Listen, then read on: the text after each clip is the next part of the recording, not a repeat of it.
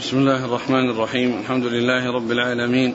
الصلاة والسلام على عبد الله ورسوله نبينا محمد وعلى آله وصحبه أجمعين. أما بعد يقول الإمام مسلم بن الحجاج القشيري النيسابوري رحمه الله تعالى يقول في كتابه المسند الصحيح قال وحدثنا شيبان بن فروخ وأبو الربيع كلاهما عن عبد الوارث قال شيبان حدثنا عبد الوارث عن أبي التياح عن أنس بن مالك رضي الله عنه أنه قال كان رسول الله صلى الله عليه وسلم أحسن الناس خلقا فربما تحضر الصلاة وهو في بيتنا فيأمر بالبساط الذي تحته فيكنس ثم ينضح ثم يؤم رسول الله صلى الله عليه وسلم ونقوم خلفه فيصلي بنا وكان بساطهم من جريد النخل.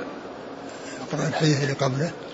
قال حدثنا يحيى بن يحيى قال قرأت على مالك عن إسحاق بن عبد الله بن أبي طلحة عن أنس بن مالك أن جدته مليكة دعت رسول الله صلى الله عليه وسلم لطعام صنعته فأكل منه ثم قال قوموا فأصلي لكم.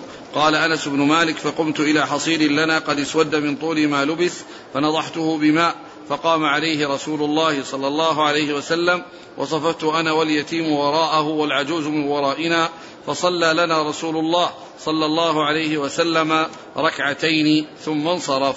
نعم. قال وحدثنا شيبان, بن فروخ وأبو الربيع كلاهما عن عبد الوارث قال شيبان حدثنا عبد الوارث عن أبي التياح عن أنس بن مالك رضي الله عنه قال كان رسول الله صلى الله عليه وسلم أحسن الناس خلقا فربما تحضر الصلاة وهو في بيتنا فيأمر بالبساط الذي تحته فيكنس ثم ينضح ثم يؤم رسول الله صلى الله عليه وسلم ونقوم خلفه فيصلي بنا وكان بساطهم من جليد النخل. نعم. قال حدثني زهير بن حرب قال حدثنا هاشم بن القاسم قال حدثنا سليمان عن ثابت عن أنس رضي الله عنه أنه قال دخل النبي صلى الله عليه وسلم علينا وما هو إلا أنا وأمي وأم حرام وأم حرام خالتي فقال قوموا فلأصلي بكم في غير وقت صلاة فصلى بنا فقال رجل لثابت أين جعل أنسا منه قال جعله على يمينه ثم دعا لنا أهل البيت بكل خير من خير الدنيا والآخرة فقالت أمي يا رسول الله خويدمك أدعو الله له. قال فدعا لي بكل خير وكان في آخر ما دعا لي به أن قال اللهم أكثر ماله وولده وبارك له فيه. بسم الله قال وحدثنا عبيد الله بن معاذ قال حدثنا أبي قال حدثنا شعبة عن عبد الله بن المختار أنه سمع موسى بن أنس يحدث عن أنس بن مالك رضي الله عنه أن رسول الله صلى الله عليه وسلم صلى به وبأمه أو خالته قال فأقامني عن يمينه وأقام المرأة خلفنا. بسم الله الرحمن الرحيم. الحمد لله رب العالمين وصلى الله وسلم وبارك على عبده ورسوله نبينا محمد وعلى آله وأصحابه أجمعين. أما بعد فهذه الأحاديث تتعلق بإقامة صلاة النافلة جماعة وقد مر قبل ذلك في الحديث الذي قبل هذا يعني قبل هذه الأحاديث أن أن عتبان بن مالك دعا الرسول صلى الله عليه وسلم يعني ليصلي في مكان في بيته يتخذه مصلى وأنه صلى الله عليه وسلم قام وصلى بهم وهذا فيه أيضا الدلالة على آه، ما يتعلق بما دلت عليه هذه الأحاديث عن أنس وهي إقامة صلاة النافلة جماعة. وكان آه، الحديث السابق الذي هو حديث آه، في قصة عثمان مالك يعني كان في بيان التخلف عن صلاة الجماعة إذا كان هناك عذر يقتضيه. إذا كان هناك عذر يقتضيه. وفيه أنه صلى الله عليه وسلم صلى بهم جماعة في في في بيت عتبان واتخذ ذلك المكان مصلى وقد مر ذلك من قبل. وأما هذه الأحاديث التي أوردها عن أنس بن مالك فهي قصص متعددة. فيها أنه كان آه، آه، صلى رسول الله صلى الله عليه وسلم به وبيتيم وراءه والعجوز خلفهم التي هي التي هي مليكة وقيل إنها جدة مالك جدة أنس بن مالك وقيل إنها آه، أمه التي هي أم سليم وهي جدة إسحاق بن عبد الله بن أبي طلحة الذي هو ابن أخيه من أمه. ف ففيه أن أنه صلى بهم وكان آه، هو واليتيم وراءه والعجوز من ورائهم يعني أنها صفت صفا واحدا وأما أنس وهذا اليتيم كانوا صفا واحدا وراءه واليتيم هو الذي لم يبلغ الحلم اليتيم يطلق على من لم لم يبلغ الحلم و وقيل وقيل اسمه ضمير بن سعد الحميري يعني هذا اليتيم الذي صلى مع أنس خلف رسول الله صلى الله عليه وسلم. ثم ذكر يعني بعد ذلك الحديث الذي فيه أنه كان يعني معه أمه أو خالته أو أمه أو خالته وأنه صلى الله عليه وسلم صلى بهم وكان أنس بجوار رسول الله صلى الله عليه وسلم عن يمينه والمرأة أو المرأتان خلفه صلى الله عليه وسلم. ففيه في الحديث الأول فيه أن الاثنين يكونون صفا وفي الحديث الثاني أن الواحد يكون يكون مع الإمام يعني عن يمينه في في نفس الصف الذي فيه الإمام. ف يعني وكل منهما آه، من الحديثين فيه إثبات صلاة النافلة يعني جماعة. وقد قيل إن كون الرسول صلى الله عليه وسلم أراد أن يصلي بهم قيل من أجل أن النساء يعرفن كيفية صلاته صلى الله عليه وسلم ويشاهدنها ويعاينها بخلاف الصلاة في المسجد فإنه لا يراه إلا الرجال الذين يكونون حوله ولكنه في في صلاته في البيت وكونه آه، قال إنه يصلي بهم من أجل أن يعرفوا كيفية صلاته صلى الله عليه وسلم لا سيما النساء اللاتي لا يحصل لهن القرب من رسول الله صلى الله عليه وسلم في الصلاة لأنهن يصلين وراء يصلين وراء الرجال. ففي صلاته صلى الله عليه وسلم لهم فيها فائدة وهي تعليمهم كيفية الصلاة بما يشاهدونه ويعاينونه من أفعاله عليه الصلاة والسلام.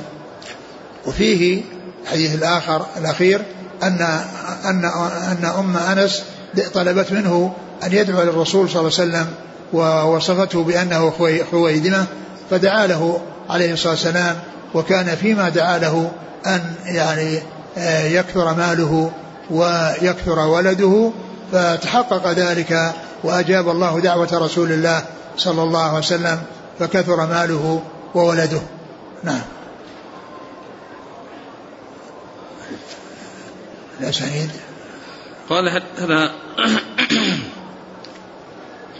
يحيى بن يحيى عن مالك عن إسحاق بن عبد الله بن أبي طلحة عن أنس بن مالك. يعني إسحاق هذا يروي عن عن عمه الذي هو أخو أبيه لأن عبد الله عبد الله بن بن أبي طلحة هو أخو أنس بن مالك لأمه. فيعني يكون إسحاق يكون أنس هو عم إسحاق بن عبد الله بن أبي طلحة. وكما قلت يعني بعض أهل العلم قال إن مليكة هذه يعني جدة لإسحاق فتكون أم يعني أنس وقيل إنها جدة أنس. نعم. قال حدثنا شيبان بن فروخ وأبو الربيع. أبو الربيع الزهراني وسليمان بن داود. عن عبد الوارث. بن سعيد العنبري. عن أبي التياح. وهو؟ يزيد بن حميد الضبعي. نعم. عن أنس بن مالك. نعم. قال حدثني زهير بن حرب عن هاشم بن القاسم عن سليمان. سليمان الأعمش بن المغيرة. سليمان المغيرة. عن ثابت عن أنس. سليمان بن المغيرة. هكذا ذكره الشيخ علي آدم. نعم الإسناد شو؟ حدثنا زهير بن حرب عن هاشم بن القاسم عن سليمان عن ثابت عن أنس. آه. سليمان المغيرة. نعم. نعم. عن ثابت. نعم. ثابت بن أسلم البناني. قال وحدثنا عبيد الله بن معاذ عن أبيه أبو معاذ بن معاذ العنبري. عن شعبة عن عبد الله بن المختار عن موسى بن أنس عن أنس. نعم. قال وحدثناه محمد بن المثنى قال حدثنا محمد بن جعفر حا قال وحدثنيه زهير بن حرب. قال حدثنا عبد الرحمن يعني بن مهدي قال حدثنا شعبة بهذا الإسناد. نعم. قال حدثناه محمد بن المثنى عن محمد بن جعفر. هو غندر الملقب غندر. قال حا وحدثني زهير بن حرب عن عبد الرحمن بن مهدي عن شعبة. نعم. قال حدثنا يحيى بن يحيى التميمي قال أخبرنا خالد بن عبد الله حا قال وحدثنا أبو بكر بن أبي شيبة قال حدثنا عباد بن العوام كلاهما عن الشيباني عن عبد الله بن شداد قال حدثتني ميمونة رضي الله عنها زوج النبي صلى الله عليه وآله وسلم أنها قالت كان رسول الله صلى الله عليه وسلم يصلي وأنا حذاءه. وربما أصابني ثوبه إذا سجد وكان يصلي على خمرة.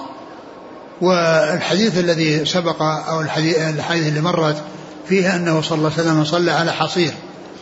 صلى على حصير والحصير هو المتخذ من خوص النخل. يعني هذا هو الحصير. وقال آه، اسود من طول ما لبس يعني طول ما استعمل.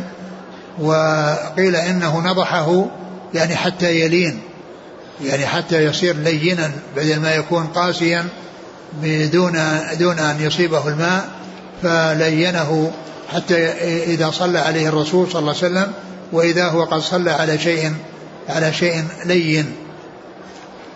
وهنا ذكر حديث ميمونة وقد سبق أن تقدم هذا الحديث وأن ميمونة أنه كان يصلي وميمونة كانت بجواره يعني وكانت يعني حائضا وأنه إذا سجد أو إذا صلى يقع ثوبه بعض ثوبه عليها عليها وقال وقالت إنه كان يصلي على الخمرة. والخمرة هي هو الحصير المتخذ على مقدار الوجه واليدين. يعني أنه ليس لمكان سجوده كله وإنما لما يتعلق بالوجه والكفين. يعني هذا يقال له الخمرة. يعني حصير صغير يعني يسجد عليه في جبهته في وجهه ويديه. والحديث سبق أن مر يعني قبل ذلك. وهذا مما تكرر عند مسلم والمكررات عند مسلم أحصاها الشيخ أحمد أحصاها الشيخ محمد فؤاد عبد الباقي وقال إنها بلغت 137 موضعا لأن التكرار عند مسلم قليل. يعني في الصحيح كله بلغ هذا المقدار. بخلاف البخاري فإن أكثر كل مكررات لأنه يترجم يعقد أبواب ويسوق الحديث مفرقا في آه، الاستدلال به على تلك المواضع فيحصل التكرار عنده كثيرا. وأما مسلم فالتكرار عنده قليل. وقد قال آه، فؤاد الباقي إنه أي المكررات بلغت مئة وسبعة وثلاثين موضعا وهذا منها لأن هذا الحديث نفسه سبق أن مر بنا. نعم.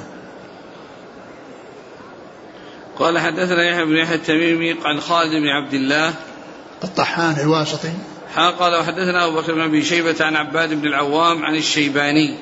وهو سليمان بن أبي سليمان آه، أبو إسحاق الشيباني. عن عبد الله بن شداد عن ميمونة. نعم. قال وحدثنا أبو بكر بن أبي شيبة وأبو كريب قال حدثنا أبو معاوية. حا قال وحدثني سويد بن سعيد قال حدثنا علي بن مسهر جميعا عن الأعمش. حا قال وحدثنا إسحاق بن إبراهيم واللفظ له. قال أخبرنا عيسى بن يونس. قال حدثنا الأعمش عن أبي سفيان عن جابر. قال حدثنا أبو سعيد الخدري رضي الله عنهما أنه دخل على رسول الله صلى الله عليه وسلم فوجده يصلي على حصير يسجد عليه. ثم ذكر هذا الحديث عن جابر بن عبد الله الأنصاري وأنه دخل على رسول الله صلى الله عليه وسلم وهو يصلي على حصير يسجد عليه. قد يكون قوله هنا يسجد عليه أنه مثل حديث ميمونة المتقدم أنه آه، على قدر الوجه واليدين على قدر الوجه واليدين الذي هو الخمرة يعني أنه دخل وهذا فيه دليل على أن الإنسان يصلي على الأرض ويصلي على ساتر من الأرض يعني سواء كان يعني من من من من شعف النخل أو من الأقمشة أو غير ذلك وأن وأنه لا بأس بذلك. وحتى لو كان المكان متنجس ووضع عليه بساط أو وضع عليه شيء وصلى عليه فإن صلاته صحيحة. لأنه لم يباشر النجاسة وإنما باشر شيئا طاهرا ولو كان تحته نجاسة. ولو كان تحته شيء من النجاسات فإن ذلك لا يؤثر. ولهذا كما سبق أن مر لو أن إنسانا صلى فوق دورات المياه أو فوق مجاري المياه التي يعني التي هي غير نظيفة وصلى لأنه لم يباشرها وإنما هي تمشي من تحته فمثل ذلك لا لا بأس به. وكذلك هذا الذي معنا فيما يتعلق بالفرش أن الإنسان يصلي عليها ولا بأس بذلك وأنه لو كان الذي تحتها متنجسا فإن ذلك لا يؤثر لأنه لا لا يباشر النجاسة في فيما يصلي عليه. نعم. قال حدثنا أبو بكر بن أبي شيبة وأبو كريب. محمد بن العلاء بن كريب.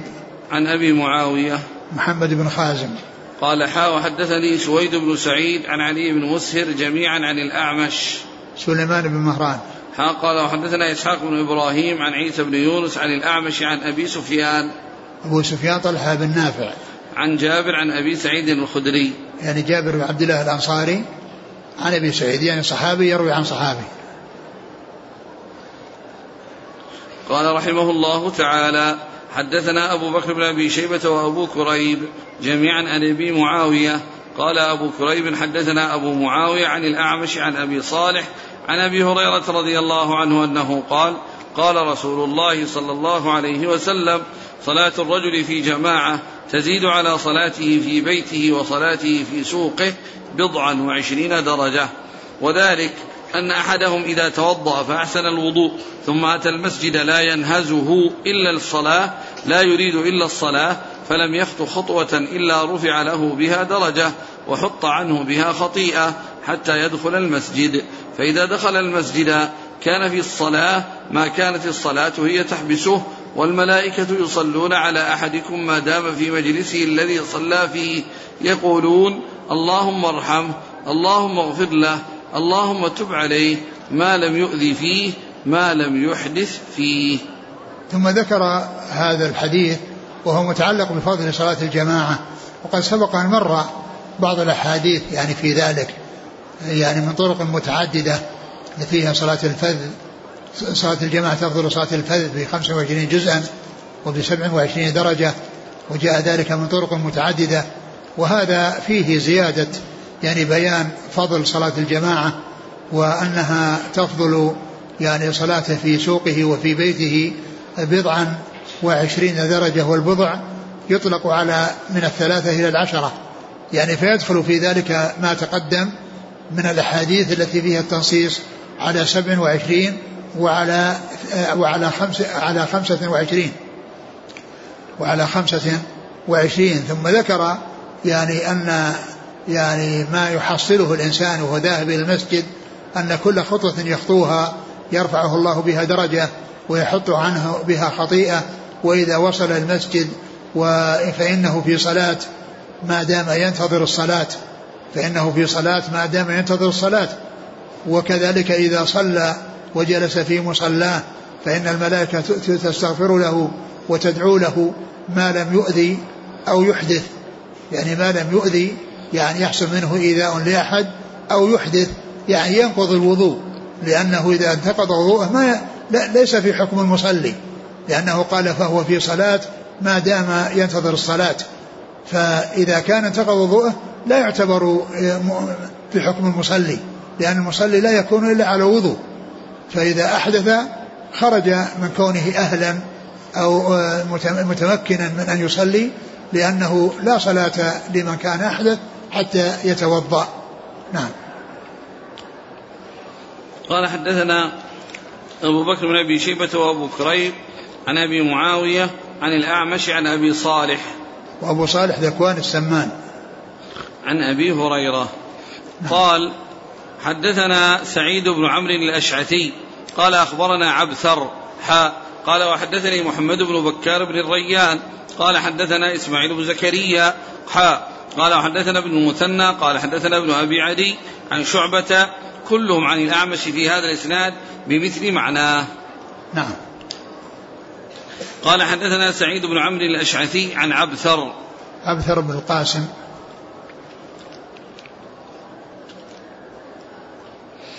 قال حا وحدثني محمد بن بكار بن الريان عن إسماعيل بن زكريا. حا قال وحدثنا ابن المثنى عن ابن أبي عدي. المثنى هو محمد المثنى وابن أبي عدي هو محمد بن إسماعيل. محمد. محمد بن إبراهيم. عن شعبة كلهم عن الأعمش في هذا الإسناد بمثل معناه. نعم. قال وحدثنا ابن أبي عمر قال حدثنا سفيان عن أيوب السختياني عن ابن سيرين عن أبي هريرة رضي الله عنه قال قال رسول الله صلى الله عليه وسلم إن الملائكة تصلي على أحدكم ما دام في مجلسه. تقول اللهم اغفر له اللهم ارحمه ما لم يحدث وأحدكم في صلاة ما كانت الصلاة تحبسه. ثم ذكر هذا الطريق وهو مثل الذي قبله. يعني أن, أن, أن, أن الإنسان يعني ما دام في مصلاه وما دام ينتظر الصلاة فإنه في صلاة. ما دامت الصلاة تحبسه يعني ينتظر صلاة. يعني سواء الصلاة التي جاء إليها أو الصلاة التي صلاها وينتظر التي بعدها وينتظر الذي بعدها. لكن هذا في حالة كونه لم يحدث لأنه إذا كان محدثا لا يكون في حكم مصلي ولا, ولا يكون مصليا من هو محدث. وإنما يعني في حال جلوسه وهو أهل للصلاة وعنده آه، آه، وهو متوضع على وضوء يعني آه، يمكن أن يقوم ويصلي. فهو ما ما لم يحدث يعني ما لم يحصل منه نقض الوضوء بحصول ريح منه. نعم. قال حدثنا ابن أبي عمر. محمد بن محمد بن يحيى بن أبي عمر العدني المكي. عن سفيان. سفيان بن عيينة. عن أيوب السختياني. نعم. عن نعم. عن ابن سيرين. محمد بن سيرين. عن أبي هريرة. نعم. قال وحدثني محمد بن حاتم قال حدثنا بهز قال حدثنا حماد بن سلمة عن ثابت عن أبي رافع عن أبي هريرة رضي الله عنه أن رسول الله صلى الله عليه وسلم قال لا يزال العبد في صلاة ما كان في مصلاه ينتظر الصلاة. وتقول الملائكة اللهم اغفر له اللهم ارحمه حتى ينصرف أو يحدث. قلت ما يحدث؟ قال يفسو أو يضرط. ثم ذكر هذا الحديث ومثل ما قبله. يعني ما لم ينصرف يعني يخرج من المسجد أو يعني يحدث ولو كان باقيا في المسجد لأنه ليس من أهل الصلاة. نعم. قال حدثني محمد بن حاتم عن بهز بهز بن أسد. عن حماد بن سلمة عن ثابت عن أبي رافع. أبو رافع نفيع الصائغ. نعم. عن أبي هريرة. قال حدثنا يحيى بن يحيى قال قرأت على مالك عن أبي الزناد عن الأعرج عن أبي هريرة رضي الله عنه أن رسول الله صلى الله عليه وسلم قال لا يزال أحدكم في صلاة ما دامت الصلاة تحبسه لا يمنعه أن ينقلب إلى أهله إلا الصلاة. نعم وهذا مثل الذي قبله. قال حدثنا يحيى بن يحيى عن مالك عن أبي الزناد. وهو عبد الله بن دكوان. عن الأعرج. عبد الرحمن بن هرمز. عن أبي هريرة. نعم. قال حدثني حرملة بن يحيى قال أخبرنا ابن وهب قال أخبرني يونس. حاء قال وحدثني محمد بن سلمة المرادي. قال حدثنا عبد الله بن وهب عن يونس عن ابن شهاب عن ابن هرمز عن أبي هريرة رضي الله عنه أن رسول الله صلى الله عليه وآله وسلم قال أحدكم ما قعد ينتظر الصلاة في صلاة ما لم يحدث تدعو له الملائكة اللهم اغفر له اللهم ارحمه. وهذا مثل الذي قبله. قال حدثنا حرملة بن يحيى عن ابن وهب. عبد الله بن وهب. عن يونس. يونس بن يزيد الأيلي. ها قال وحدثني محمد بن سلمة المرادي عن عبد الله بن وهب عن يونس عن ابن شهاب عن ابن هرمز. وهو وهو الأعرج عبد الرحمن بن هرمز. قال وحدثنا محمد بن رافع قال حدثنا عبد الرزاق قال حدثنا معمر عن همام بن منبه عن أبي هريرة رضي الله عنه عن النبي صلى الله عليه وآله وسلم بنحو هذا. نعم. قال حدثنا محمد بن رافع عن عبد الرزاق. عبد الرزاق بن همام الصنعاني. عن معمر. بن راشد الأزدي. عن همام بن منبه. نعم. قال رحمه وهذا الحديث يعني هو إسناد الصحيفه لكنه يعني ما ذكر لفظه. وإنما ذكر حال على ما كان قبله. ولكنه إذا أتى بالحديث من الصحيفة معروف طريقته يعني يسوق الإسناد حتى يأتي عند همام ثم يقول هذا ما حدثنا به أبو هريرة عن محمد رسول الله صلى الله عليه وسلم. ثم يقول فذكر أحاديث منها وقال رسول الله صلى الله عليه وسلم. هذا في يقول يأتي به فيما إذا كان ساق متن الحديث. نعم أتى بالإسناد والمتن. نعم. قال رحمه الله تعالى حدثنا عبد الله بن براد الأشعري وأبو كريب قال حدثنا أبو أسامة عن بريد عن أبي بردة عن أبي موسى رضي الله عنه قال قال رسول الله صلى الله عليه وآله وسلم إن أعظم الناس أجرا في الصلاة أبعدهم إليها ممشى فأبعدهم. والذي ينتظر الصلاة حتى يصليها مع الإمام أعظم أجرا من الذي يصلي من الذي يصليها ثم ينام. وفي رواية أبي كريب حتى يصليها مع الإمام في جماعة. ثم ذكر هذا الحديث الحديث المتعلقة بفضل المشي إلى الصلوات وأنه كلما بعد المكان فإنه يزيد الأجر لأن كل خطوة يخطوها يرفع له بدرجة ويحط عنه بها خطيئة. وأن وأن الإنسان إذا كان مكانه بعيدا فلا يؤثر ذلك عليه بل يفرح بكونه يحصل له زيادة في الأجر.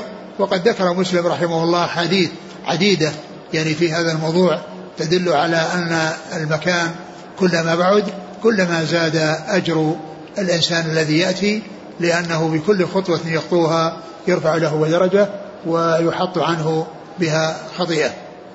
نعم.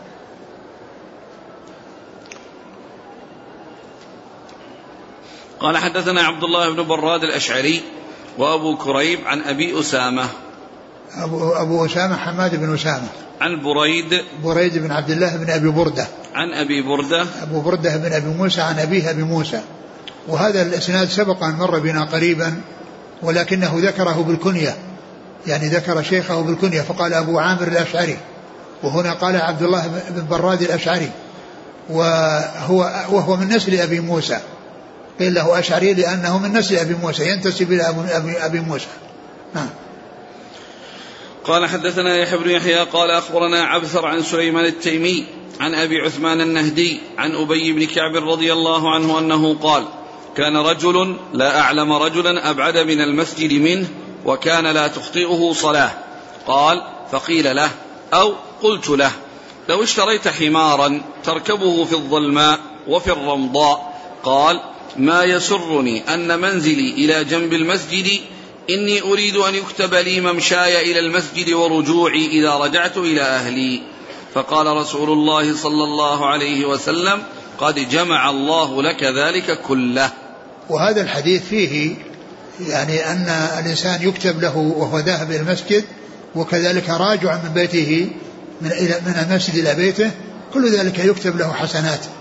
لأن الأحاديث التي ذهب التي مرت فيها ذكر المشي إلى المسجد وهذا الحديث فيه زيادة الرجوع من المسجد وفيه قصة هذا الرجل الذي قال إنه كان بعيدا أبعد بيته من أبعد البيوت وأنه كان يأتي يمشي على رجليه وقيل له لو اشتريت حمارا تركبه في الرمضاء وفي الظلماء قال ما أحب أن يكون بيتي قرب مسجد يعني لا أحب أن يكون بيتي قرب مسجد لأنه يحب أن يكون بعيدا حتى تحصل له هذه الخطى في ذهابه وإيابه.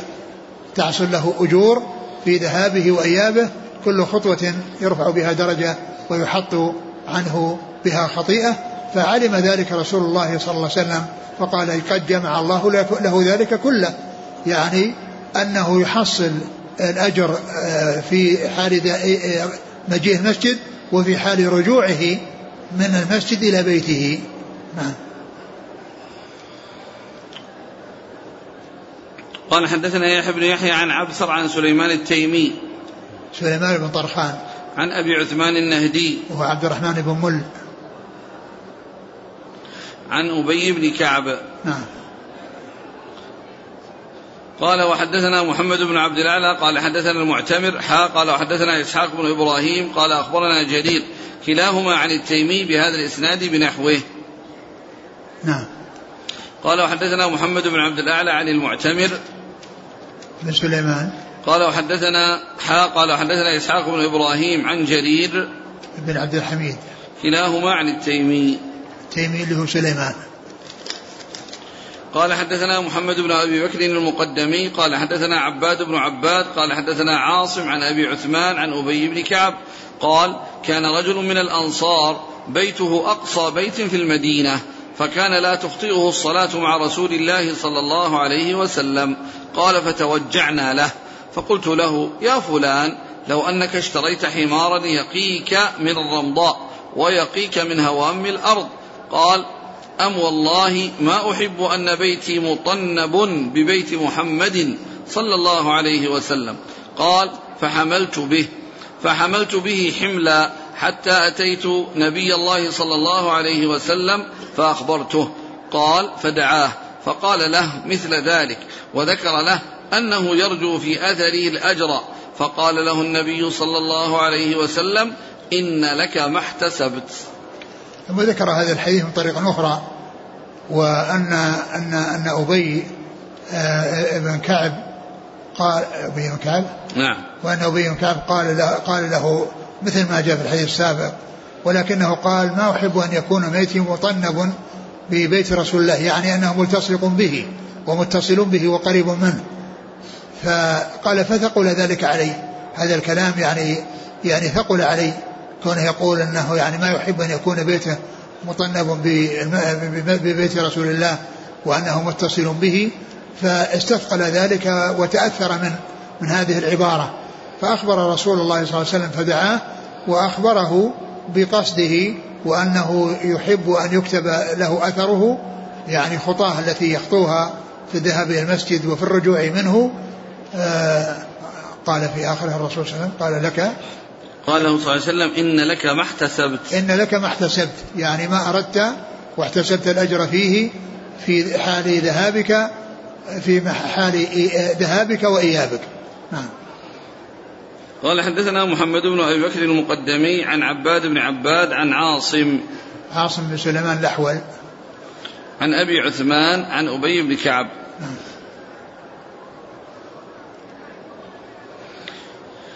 قال وحدثنا سعيد بن عمرو الأشعثي ومحمد بن أبي عمر كلاهما عن ابن عيينة. حا قال حدثنا سعيد بن أزهر الواسطي. قال حدثنا وكيع. قال حدثنا أبي كلهم عن عاصم بهذا الإسناد نحوه.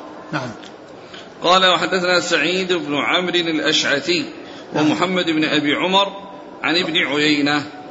سفيان بن عيينة وابن أبي عمر محمد بن يحيى. نعم. قال حا حدثنا سعيد بن أزهر الواسطي قال حدثنا وكيع عن أبيه. أبوه الجراح بن مليح. كلهم عن عاصم بهذا الإسناد. أحسن الله إليك الآن يعني قد يعني الإنسان يذهب إلى المسجد الأبعد ليتكلف المشقة ويطلب الأجر.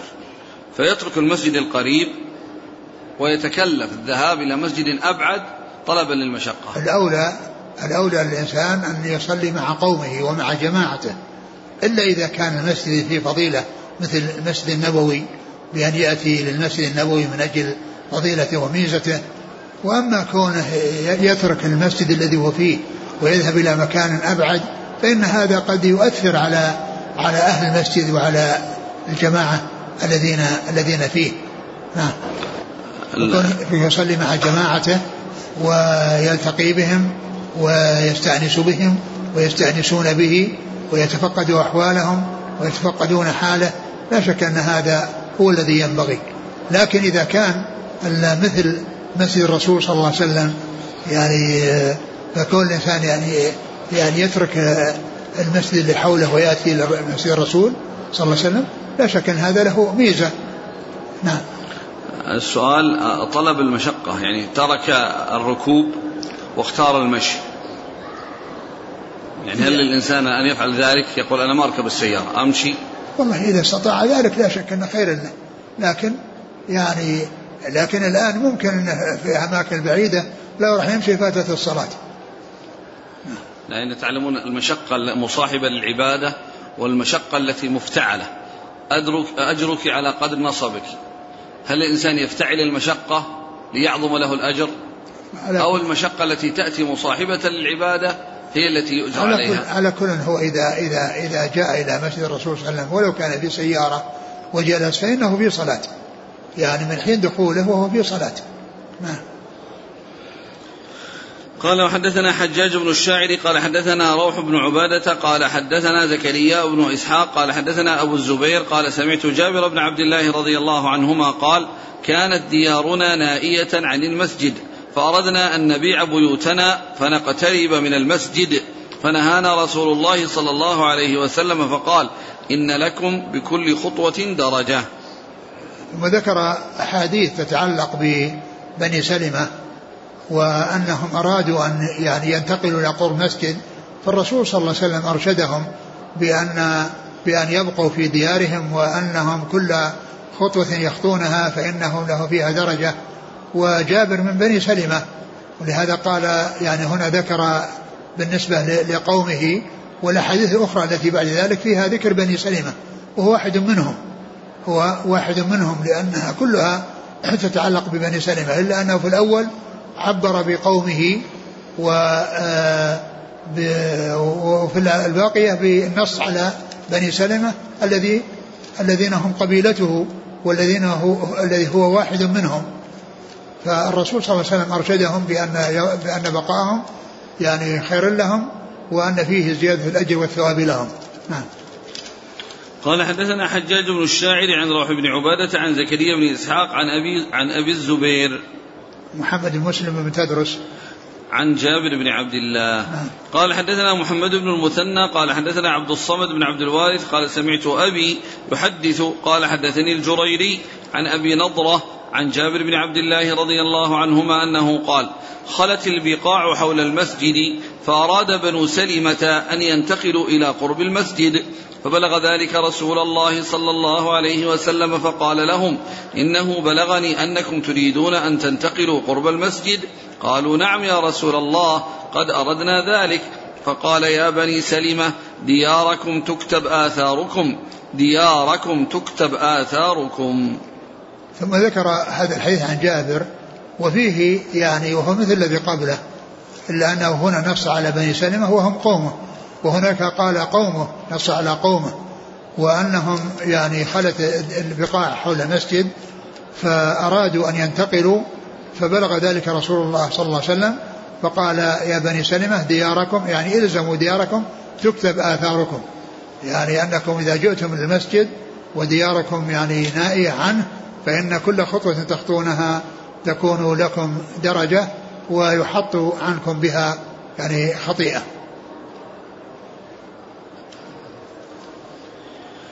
قال حدثنا محمد بن المثنى عن عبد الصمد بن عبد الوارث عن أبيه. وقوله خلت البقاع يمكن أن يكون في خيام.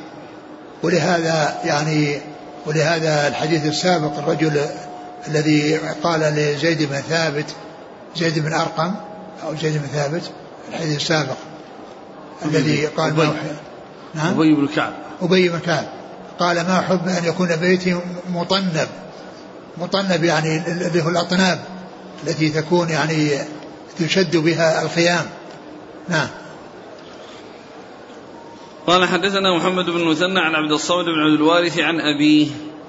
عبد الوارث بن سعيد. عن الجريري. وهو سعيد بن إياس. عن أبي نضرة. وهو وهو آه وهو بن نضلة. إيش؟ هذا هذيك أبو نضلة ذاك عوف بن مالك. هذا أبو مالك نضرة. عوف بن مالك؟ لا هذاك أبو نضلة. أبو نضره هذا وش ابو أبو نضرة. هذا أبو نضرة آه. المنذر بن مالك من قطعة. نعم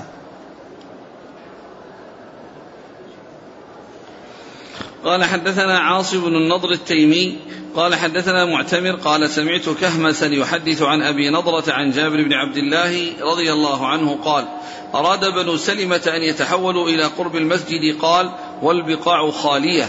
فبلغ ذلك النبي صلى الله عليه وسلم فقال يا بني سلمة دياركم تكتب آثاركم. فقالوا ما كان يسرنا انا كنا تحولنا. نعم وهذا فيه أنه لما قال لهم يعني يعني قالوا ما كن ما كان يسرنا أن نتحولنا.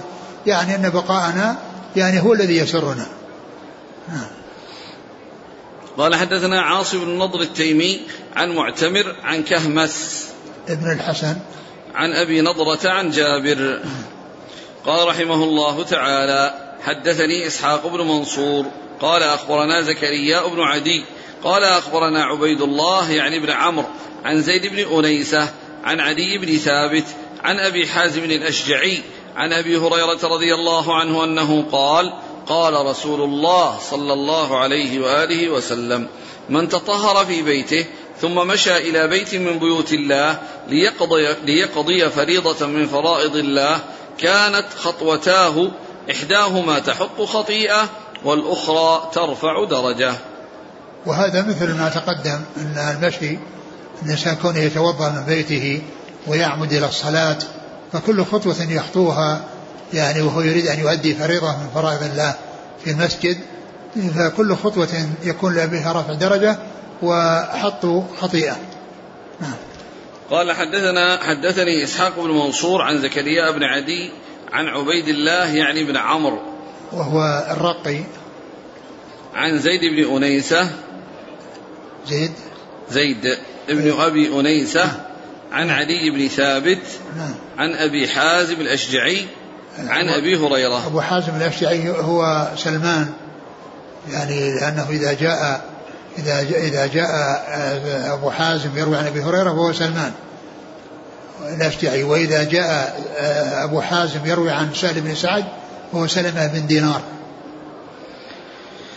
قال وحدثنا قتيبة بن سعيد قال حدثنا ليث حا قال وقال قتيبة حدثنا بكر يعني ابن مضر كلاهما عن ابن الهاد عن محمد بن إبراهيم عن أبي سلمة بن عبد الرحمن عن أبي هريرة رضي الله عنه أن رسول الله صلى الله عليه وآله وسلم قال وفي حديث بكر أنه سمع رسول الله صلى الله عليه وآله وسلم يقول أرأيتم لو أن نهرا بباب أحدكم يغتسل منه كل يوم خمس مرات هل يبقى من درنه شيء؟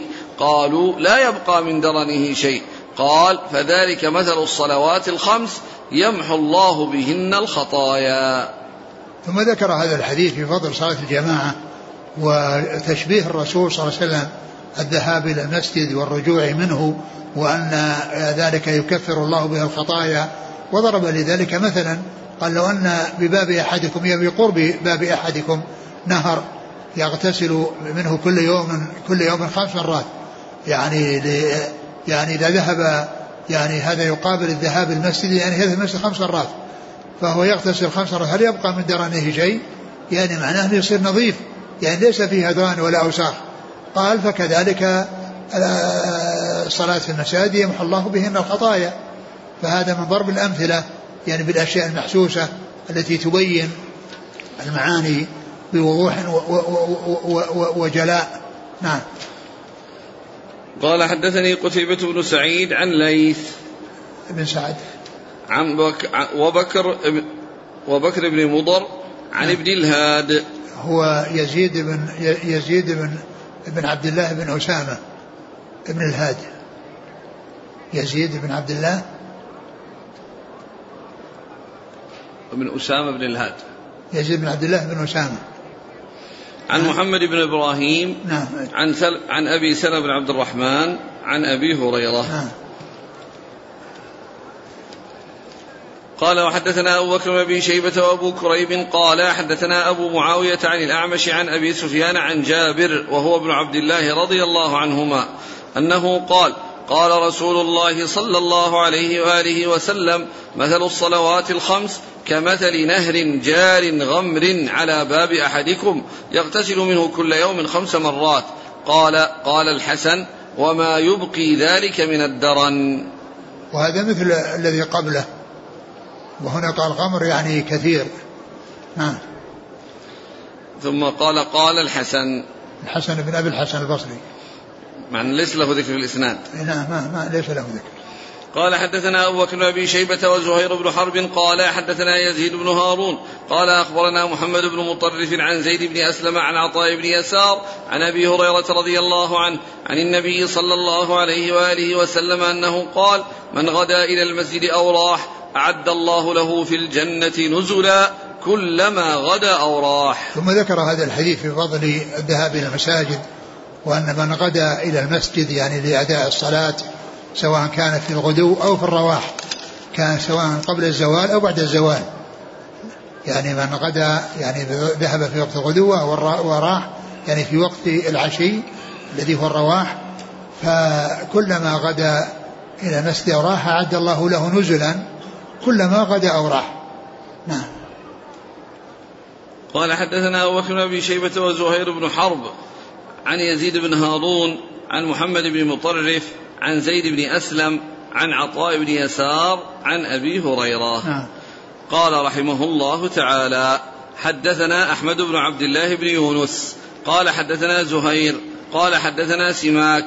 حاء قال وحدثنا يحيى بن يحيى واللفظ له.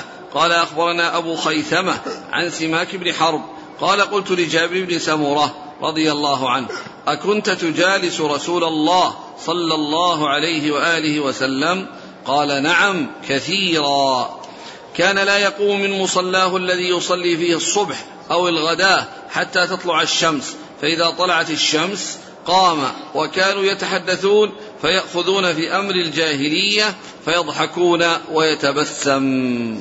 ثم ذكر يعني هذا الحديث الذي الذي فيه جلوس الرسول صلى الله عليه وسلم في مصلاه بعد صلاة الفجر إلى أن تطلع الشمس وأن وأن بعض أصحابه يكون حوله يتحدثون في أمور الجاهلية ويحصل منهم الضحك وكان يتبسم عليه الصلاة والسلام من هذا الشيء الذي يذكرونه من الذي يتحدثون به كان يتبسم عليه عليه الصلاة والسلام يعني من هذا الذي ذكروه. ففيه يعني آه، فضل آه، الجلوس بعد الصلاة في المصلى وهو كما مر في الأحاديث وأنه يكون يعني يكون يعني في الملائكة تستغفر لمن يجلس يعني ما لم يؤذي أو يحدث. نعم. قال حدثنا أحمد بن عبد الله بن يونس. نعم. عن زهير. هو زهير بن معاوية أبو خيثمة لأنه ذكره هنا لأنه ليس من طبق الشيوخ شيوخ مسلم لأن الذي طبق الشيوخ زهير بن حرب. وأما زهير بن معاوية فهو من طبق الشيوخ شيوخه. وكل منهما يكنى بأبي خيثمة. ولهذا ذكر الحديث من طريقين. أحدهما عبر بزهير والثاني عبر بأبي خيثمة يعني بكنيته الذي هو زهير بن معاوية. نعم. عن سماك. سماك بن حرب. ها قال حدثنا يحيى بن يحيى عن أبي خيثمة عن سماك بن حرب عن جابر بن سمرة نعم. قال وحدثنا أبو بكر بن أبي شيبة قال حدثنا وكيع عن سفيان. قال أبو بكر وحدثنا محمد بن بشر عن زكريا كلاهما عن سماك عن جابر بن سمرة رضي الله عنه أن النبي صلى الله عليه وسلم كان إذا صلى الفجر جلس في مصلاه حتى تطلع الشمس حسنا. نعم. بعده. قال وحدثنا قتيبة وأبو بكر بن أبي شيبة قال حدثنا أبو الأحوص حاء قال وحدثنا ابن المثنى وابن بشار قال حدثنا محمد بن جعفر قال حدثنا شعبة كلاهما عن سماك بهذا الإسناد ولم يقولا حسنا. يعني هو تقدم يعني هذا الحديث وهنا قال حتى تظهر الشمس حسنا يعني ظهورا حسنا يعني حتى تظهر الشمس ظهورا حسنا. نعم. قال حدثنا أبو بكر بن أبي شيبة عن وكيع عن سفيان. الثوري. قال أبو بكر حدثنا محمد بن بشر عن زكريا بن أبي زائدة. عن سماك عن جابر بن سمرة نعم. قال وحدثنا قتيبة وأبو بكر بن أبي شيبة عن أبي الأحوص. سلام بن سليم. حا قال وحدثنا ابن المثنى وابن بشار كلاهما عن محمد بن جعفر عن شعبة. نعم. قال وحدثنا هارون بن معروف وإسحاق بن موسى الأنصاري قال حدثنا قال حدثنا أنس بن عياض قال حدثني ابن أبي ذباب في رواية هارون وفي حديث الأنصاري قال حدثني الحارث الحارث عن عبد الرحمن بن مهران مولى أبي هريرة عن أبي هريرة رضي الله عنه أن رسول الله صلى الله عليه وآله وسلم قال أحب البلاد إلى الله مساجدها وأبغض البلاد إلى الله أسواقها. وهذا الحديث يدل على فضل المساجد وأن البلدان والبقاع يعني فيها أسواق وفيها مساجد. وأحب البقاع إلى الله المساجد لأنها أماكن ذكر الله عز وجل والعبادة. وذكر الله عز وجل وتلاوة القرآن وتعليم العلم وغير ذلك مما يعني مما من, من, من أنواع الخير. وأبغض البقاع إلى الله الأسواق التي فيها التي فيها اللغط وفيها الأيمان الكاذبة لتنفق فيها السلعة وفيها الغش وفيها الخداع وفيها الربا وغير ذلك من الأمور وفيها الصخب وغير ذلك. فتلك أبغض البلاد أبغض البلاد إلى الله عز وجل وأبغض البقاع إلى الله عز وجل. وهذا فيه دليل أيضا على وصف الله عز وجل بالحب والبغض وهو كغيره كغيرها من الصفات تثبت آه، لله عز وجل على ما يليق بكماله وجلاله سبحانه وتعالى. وأن البغض يعني يكون فيه تفاوت والحب يكون فيه تفاوت وليس كل المحبوبات على حد سواء ولا كل المبغضات على حد على حد سواء. نعم.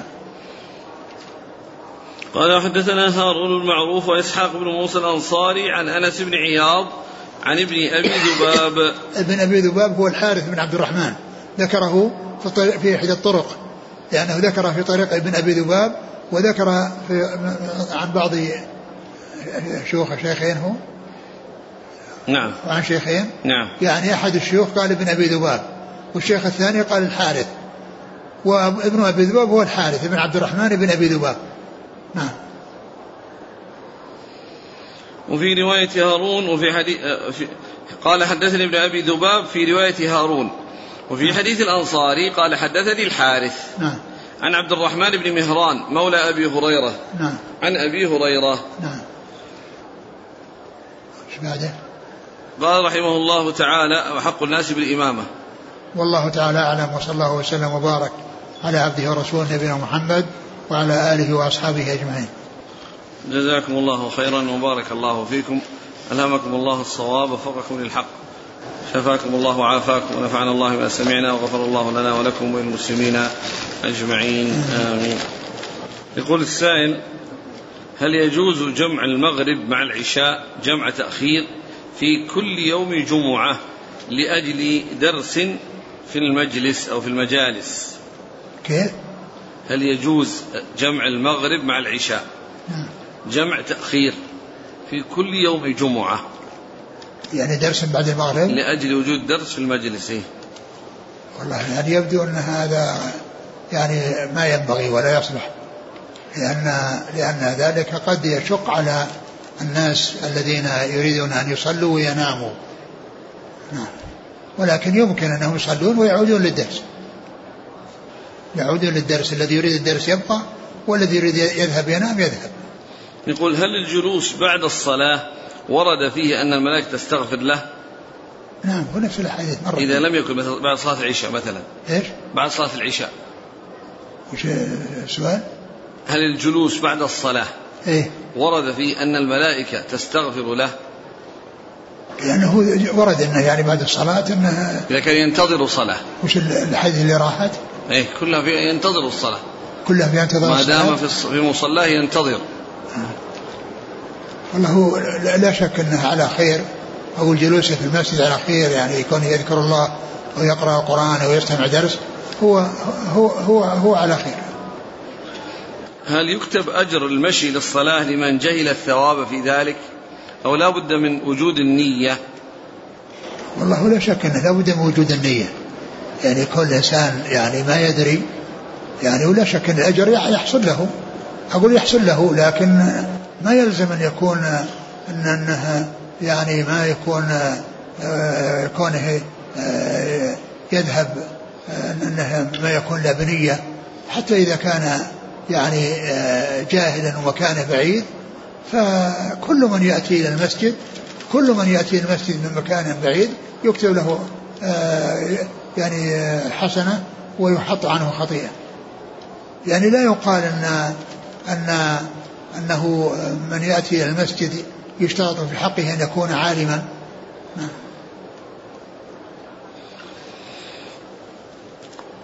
توجيهكم حفظكم الله في هذه المسألة يقول أصبحت المساجد في بلدنا بعد الثورات يحصل فيها من الصدامات والعراك ما لا يحصل في السوق حتى نفر الناس من المساجد. هذا من البلاء الذي أصيب به يعني من يحصل له ذلك. يعني في الناس يذهبون المساجد ولكن يعني عليهم أنهم يعني يتأدبون ويعطون المساجد حقها ما استحقه من الأدب. وينبه بعضهم بعضا ولا يعني يشتغلون بالمخاصمات والمنازعات وإنما يأتون المساجد يصلون ويقرؤون القرآن. يعني فليست المساجد يعني مسرحا يعني مثل مثل الأسواق يعني يفعلون فيها كل ما يريدون مما مما لا يصلح للمساجد. بل المساجد لا يؤتى بها إلا بما هو مشروع فيها. يعني بعض يجب التنبيه يعني بعضهم بعض.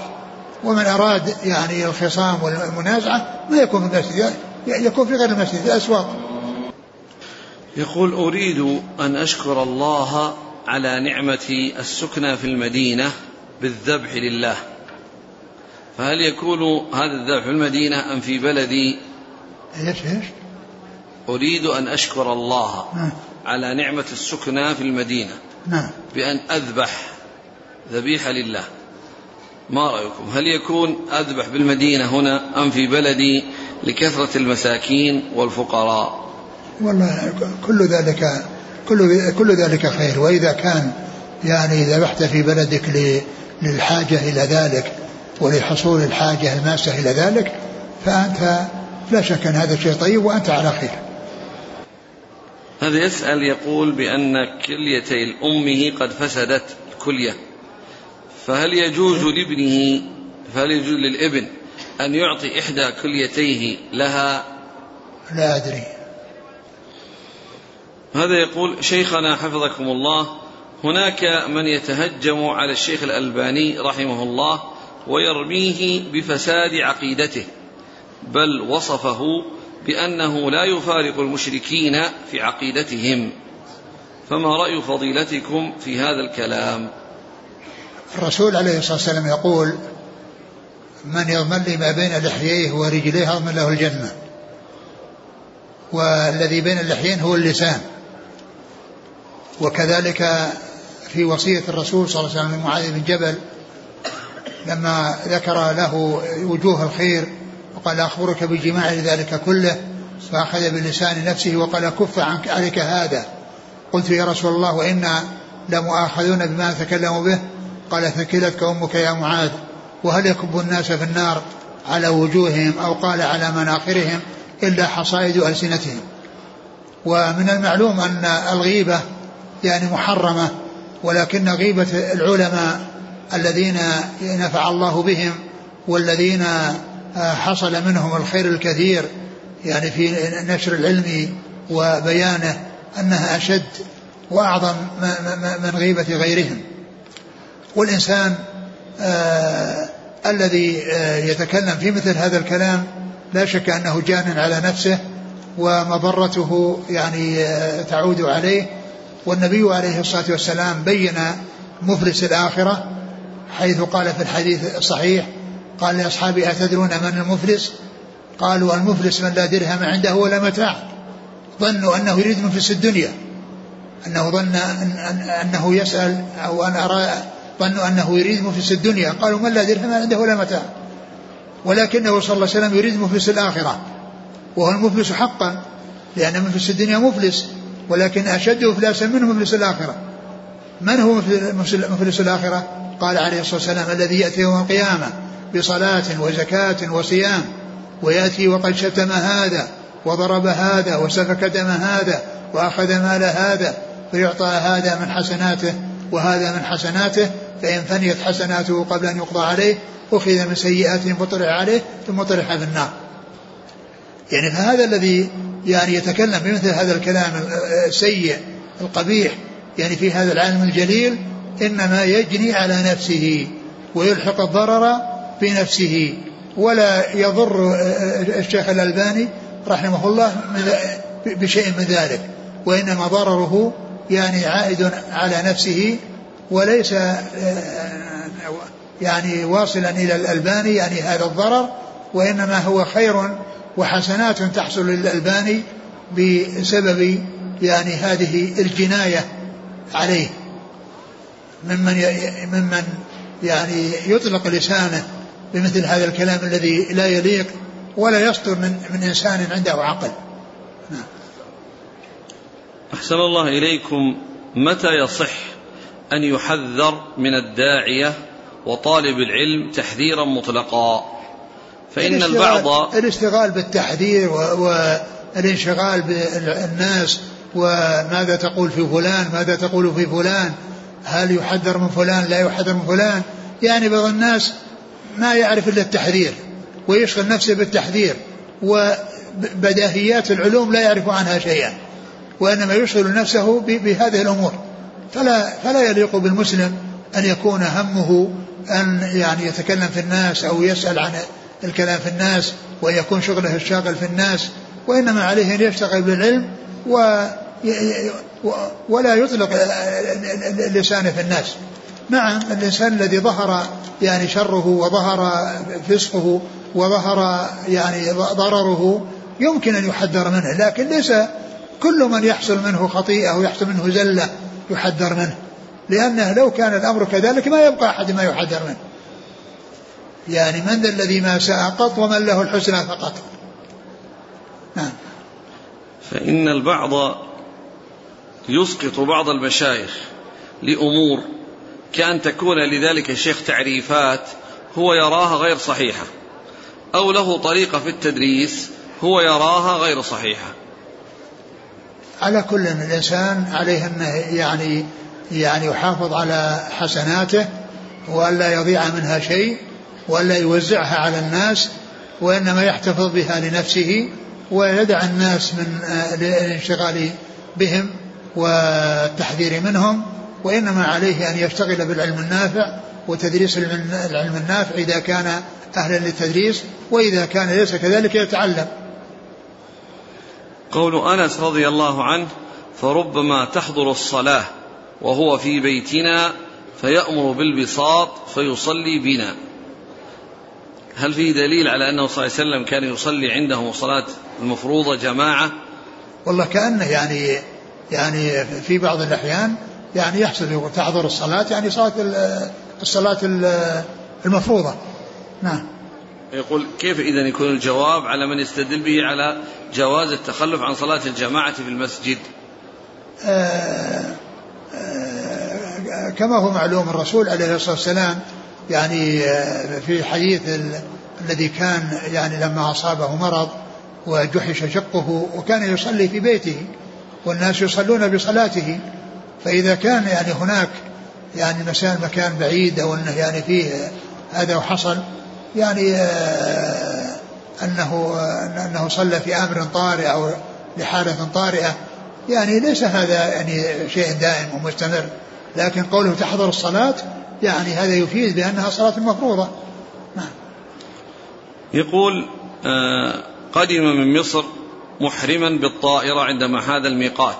وعندما نزل مطار جدة علم أن الرحلة تغيرت إلى المدينة فنزع إحرامه وهو لم يشترط عند الإحرام وجامع أهله.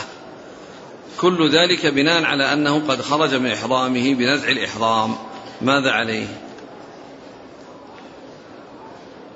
الإنسان إذا دخل في الإحرام وجاء يعني متجه إلى إلى إلى مكة ولكنه قيل له أنه لا بد من الذهاب المدينة أول فإنه يأتي بإحرامه ولا يخلعه بل يأتي بإحرامه. ويعني وهو لا يزال محرم. هو لا يزال محرم ولا يحتاج إلى اشتراط لأن كون الإنسان يأتي المدينة يعني من السهل يأتي المدينة وهو بإحرامه ثم يستمر عليه إحرامه حتى يذهب إلى مكة ويؤدي عمرته.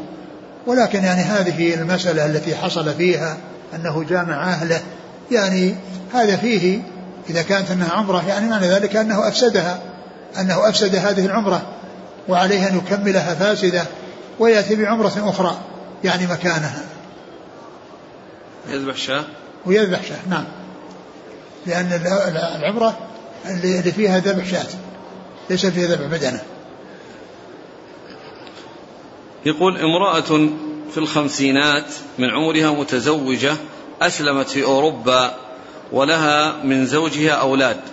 الزوج لم يسلم إلى الآن. ماذا تفعل؟ هل تبقى معه أو تفارقه؟ أين تذهب عند الفراق؟ أولا تحرص إلى هدايته وأن يهتدي مثلها وإلا فإنها لا يجوز لها البقاء معه. يعني هو في عصمته هو كافر والكافر يعني ليس له الزواج المسلمة والبقاء. لكن إذا أسلم معها يعني فيكون كلهم يعني على خير كلهم على يعني على الإسلام. وأما إذا لم يسلم فلا تبقى في عصمته. يقول الأخ لو أسلم هذا الرجل بعد إسلامها بشهر هل يجدد الآن العقد أو على عقدهما السابق؟ لا ما يجدد يبقى يعني يعني العقد السابق. يقول هل يجوز رفع القضايا إلى الحكام علما بأن الحكام في بلدنا لا يحكمون بالشريعة بل بالقوانين الوضعية؟ الإنسان إذا حصل بينه وبين غيره مشاكل يحرص على حلها بالصلح يعني فيما بينهم دون أن يذهبوا إلى المحاكم غير الشرعية دون أن يذهبوا إلى غير المحاكم غير الشرعية. وكذلك أيضا لو اتفقوا على أنهم يترافعون إلى أحد يعني عنده علم بالشريعة ويفصل بينهم في الشريعة فإن هذا هو الذي ينبغي.